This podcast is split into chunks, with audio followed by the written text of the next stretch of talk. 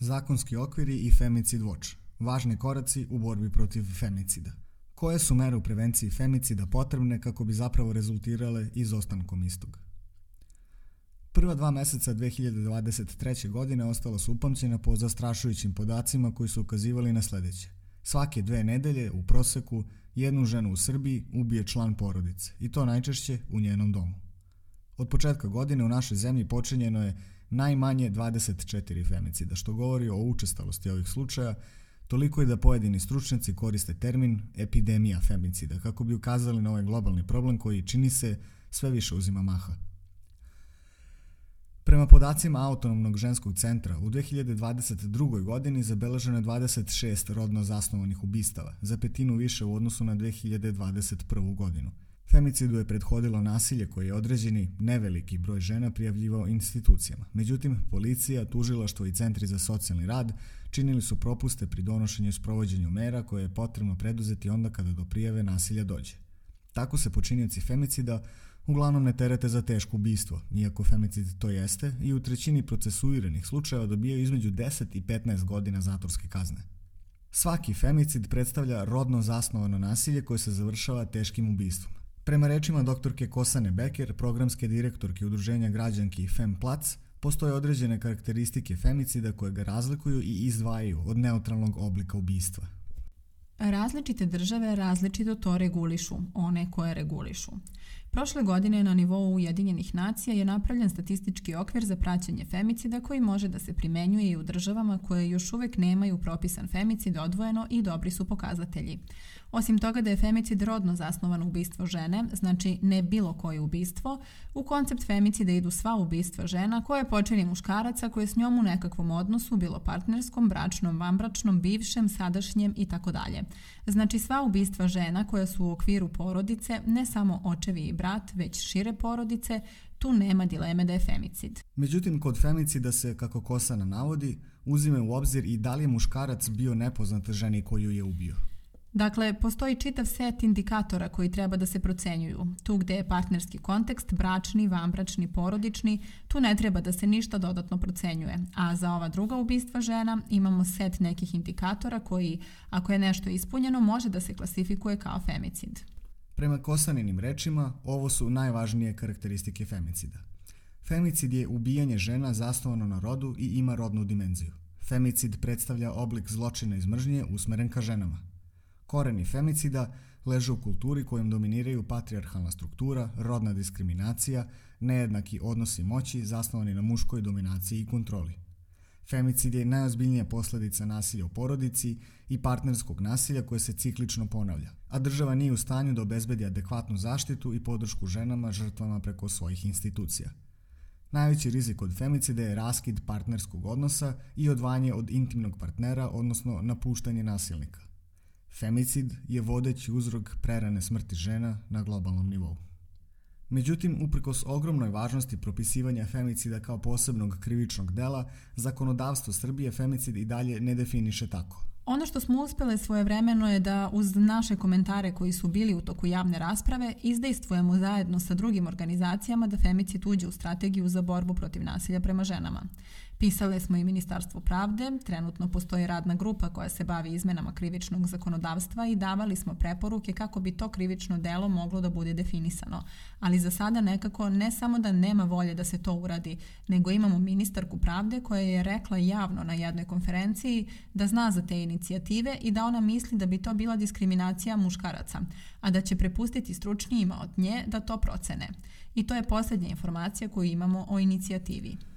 Kosana objašnjava i kako postoji određena vrsta očekivanja da su žene senzibilisanije po ovim pitanjima, a u stvari to nije nužno tako. Neke jesu, naravno, ali ima i muškaraca koji su senzibilisani. Sve u svemu nema velike razlike. Mi smo svi odrasli u principu u istoj sredini i ako ne radimo na sebi i ako ne učimo dovoljno o fenomenima koji su oko nas i ne obraćamo dovoljno pažnje, onda je jedino što je u ovom konkretnom slučaju jako zabrinjavajuće to da je u pitanju ministarka pravde. Nije bilo ko ko ima neko mišljenje o tome da li femicid treba da bude krivično delo ili ne. U domaćoj javnosti, međutim, i dalje postoji polemika da li femicid treba da bude posebno krivično delo ili ne, a neslaganja po ovom pitanju su primetna i među pravnicima, kao i među organizacijama koje se bave pravima žena. dok su iz Hrvatske nedavno stigle vesti da će na glasanje biti stavljen zakon koji femicid definiše kao odvojeno krivično delo.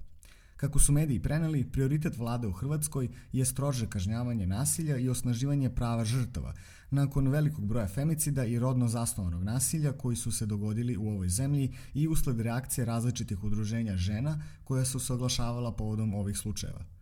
Ove izmene obuhvataju nekoliko zakona, uključujući krivični zakon, zakon o zaštiti od nasilja u porodici, zakon o sudovima i porodični zakon, a usledit će i javna rasprava nakon koje će početkom 2024. godine pomenuti zakoni biti izglasani.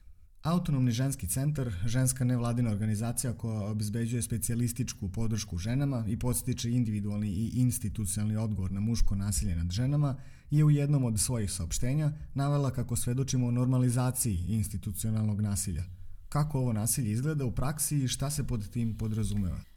Mi smo, kao građanke i građani ove države, svakodnevno izloženi nasilju koje vrše predstavnici institucija u svim sferama naših života. Kada su žrtve nasilja u pitanju, država poziva žrtve da prijave nasilje, ali im ne garantuje da se sistem, kada to nasilje budu prijavile, neće okrenuti protiv žrtava. Tako što se žrtvama neće verovati ili će se žrtve zastrašivati da odustanu od prijava, tako što im govore da će prijava još više razbesniti nasilnika ili da će protiv žrtava biti pokrenuti postupci za lažno prijavljivanje. Vanja Macanović i Sanja Pavlović iz Autonomnog ženskog centra dalje navode da se onda u centrima za socijalni rad žrtvama preti oduzimanjem dece ako ne napuste nasilnika. Pa kada žrtve to i urade i dovedu sebe i decu na ivicu siromaštva, onda im opet oduzimaju decu jer su ona zanemarena. Ili napišu sudu da se deca povere očevima nasilnicima jer imaju bolje uslove za život dece. U slučajevima i kada budu pokrenuti postupci protiv nasilnika, vidimo da su predstavnici institucija skloni da okrivljuju žrtve za ishode tih postupaka, pa čak i u slučajevima kada je žena ubijena, slučaj Pirot. To okrivljavanje žrtve da ona nešto nije uradila u situaciji u kojoj su sud i tužilaštvo dozvolili da nasilnik ponavlja delo jer je isti bio kažnjen besmisleno blagom kaznom jeste institucionalno nasilje. Sve su to izazovi sa kojima se prvenstveno žrtve partnerskog nasilja svakodnevno suočavaju nakon što prijave nasilje. Iako ne možemo da tvrdimo, to mogu biti razlozi zbog kojih imamo tako veliki broj ubijenih žena koje nikada nisu prijavljivale nasilje jer nisu imale poverenje da će ih predstavnici institucija zaštititi. Od 21 ubijene žene ove godine samo je u četiri slučaja bilo ranije prijavljivano nasilje. Nacionalni mehanizam za praćenje i analizu slučajeva femicida po shvatanju autonomnog ženskog centra ne bi trebalo da bude telo koje će samo da prikuplja statističke podatke o femicidu, već članice organizacije smatraju da to telo treba da čine po jedan predstavnik ili predstavnica Narodne skupštine, nadležnih ministarstava, zaštitnika građana, te predstavnice ženskih organizacija koje prate slučajeve femicida, kao stalni članovi, odnosno članice, i rukovodioci ili rukovoditeljke državnih institucija i organa na čijoj teritoriji se dogodio femicid, kao ad hoc članovi, odnosno članice, kako bi se uočili propusti koji su doveli do femicida i donali zaključci koji bi pomogli da se takvi propusti više ne ponove na teritoriji te lokalne samouprave. Izveštaji tog tela bi predstavljali osnov za sve ostale predstavnike institucija u Srbiji da uče na greškama drugih kako ne bi napravili iste propuste u zaštiti žrtava. Takođe bi izveštaji tog tela predstavljali osnov za pokretanje postupaka protiv odgovornih pojedinaca u institucijama koji su svojim nečinjenjem ili pogrešnim činjenjem omogućili da se desi femicid. Preporuka specijalne izveštačice Ujedinjenih nacija za nasilje prema ženama da se uspostavi nadzorno telo za praćenje femicida, takozvani Femicid Watch, datira još od 2015. godine, nevezano za to da li će femicid biti prepoznat kao zasebno krivično delo. Praćenje femicida na nivou države potrebno je kako bi se uspostavila odgovornost ne samo počinioca zločina, već i nadležnih institucija. Prema rečima doktorke Kosane Bekir, programske direktorke Fem Placa, u Srbiji postoje dve grupe ženskih organizacija koje se zalažu za Femicid Watch i predlažu različite modele i mehanizme kako bi ovaj sistem trebalo da izgleda na osnovu prakse u drugim državama gde se Femicid Watch primenjuje.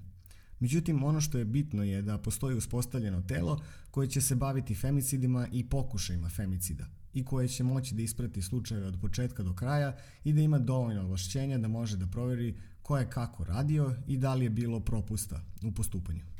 Nije ideja tog tela da kažnjava za propuste, nego da se konačno vidi gde ne funkcioniše dobro, gde ne štima i da se tu popravi saradnja. Mi vrlo često možemo i u medijima da vidimo kada se desi nešto što uzburka javnost, kako zvaničnici krenu da izlaze u javnost sa stavom da su svi sve uradili kako treba, a mi na kraju imamo ubijenu ženu. Pa nisu sve uradili, sigurno nisu sve uradili. Tako da ovo pitanje femicid voča bi doprinelo da vidimo šta je tu problem i gde su uska grla i onda u odnosu na to da pravimo naravno i odgovor. Kako u institucijama ne postoje zvanični podaci u vezi sa brojem femicida, javnost o ovim slučajevima najčešće saznaje iz medija, uz posredstvo organizacija koje se bave pravima žena. Zbog toga, uvek kada govorimo o broju femicida, zapravo govorimo o najmanjem broju, tačnije o slučajevima koji su uspeli da dospeju u javnost. Pretpostavka je da je broj žrtava femicida, nažalost, i veći od onoga koji se pominje. Ženske organizacije broje femicide iz medija. Dešava se, na primjer, da neki drugi događaj preklope vest o femicidu ili da vesti uopšte i ne bude ako je u pitanju neka manja sredina, pa lokalni mediji to ne čuju na vreme. S druge strane, pričamo o jednom vrlo ozbiljnom fenomenu i naša država bi trebalo da uspostavi evidenciju. Način na koji će uspostaviti evidenciju se razlikuje, ali nama je bitno da imamo evidenciju i da možemo da vidimo o čemu mi u stvari pričamo, jer ovi brojevi koje mi sakupljamo iz medija su zastrašujući i bilo bi dobro da ne licitiramo brojem ubijenih žena tako što smo prikupili informacije iz medija. Mislim da je to početak ozbiljnog bavljenja tim problemom. Uloga medija stoga je višestruka i važna, pogotovo iz razloga što je izveštavanje o femicidu i rodno zasnovanom nasilju u Srbiji najčešće senzacionalističkog karaktera, što za posledicu ima retraumatizaciju žena sa iskustvom rodno zasnovanog nasilja i smanjeno poverenje u institucije. Zbog toga nemali iskorak u borbi za etičko izveštavanje predstavlja članstvo predstavnice Autonomnog ženskog centra u Savetu za štampu.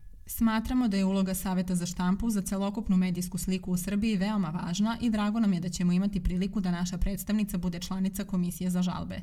Njeno učešće može doprineti kvalitetnim diskusijama o žalbama koje se tiču medijskog izveštavanja o nasilju prema ženama i povećanjem vidljivosti problema koji postoji u ovoj oblasti. Medijsko izveštavanje o ovom problemu je važno, pre svega jer je posebno u poslednje vreme jasno da se žene često odlučuju da sa svojim iskustvima nasilja izađu u medije, tražeći time podršku javnosti za institucionalne procese kojima su nezadovoljne. Stoga su medijske zloupotrebe žena koje su u situaciji nasilja vrlo moguće, a mogu doprineti ne samo dodatnoj traumatizaciji konkretne žene, već takođe i svih drugih koje preživljavaju nasilje. Zato je važno da medijsko izveštavanje bude etičko i edukativno. Kosana Bekir ističe važnost inicijative Novinarki protiv nasilja, koje su izdale smernice za medijsko izveštavanje o nasilju prema ženama i navodi da je takozvana šekspirizacija, odnosno romantizacija zločina, kada je ubistvo žene praćeno ubistvom počinioca, najčešća praksa koju je potrebno prekinuti. S obzirom na to da je femicid široko rasprostranjen društveni problem, a ne sporadični slučaj, potrebno je pronaći i adekvatno rešenje koje će poboljšati rad institucija, pozivajući ih na odgovornost, kao i njihov odnos prema žrtvama koje se odluče da prijave nasilje, te tako uspostavljanje mehanizma za praćenje i analizu slučajeva femicida predstavlja važan korak ka smanjenju broja femicida, jer kada do istog dođe, tada je već kasno. Zbog toga je značajno preduzeti sve moguće mere kako bi stepen prevencije femicida bio dovoljno efikasan da rezultira izostankom istog. Autorka teksta Snežana Katunac. Ilustracije Olga Đelošević. Tekst čitali Ivan Radisavljević i Snežana Katunac. Tekst je dostupan na sajtu Oblakodera u rubrici Lift. Tekst je podržan od strane Evropske unije i Nemačkog saveznog ministarstva za ekonomsku saradnju i razvoj. Stavovi izneti u podržanom medijskom projektu Scroll and Share Oblakoder magazina ne izražavaju stavove Evropske unije i Nemačkog saveznog ministarstva za ekonomsku saradnju i razvoj.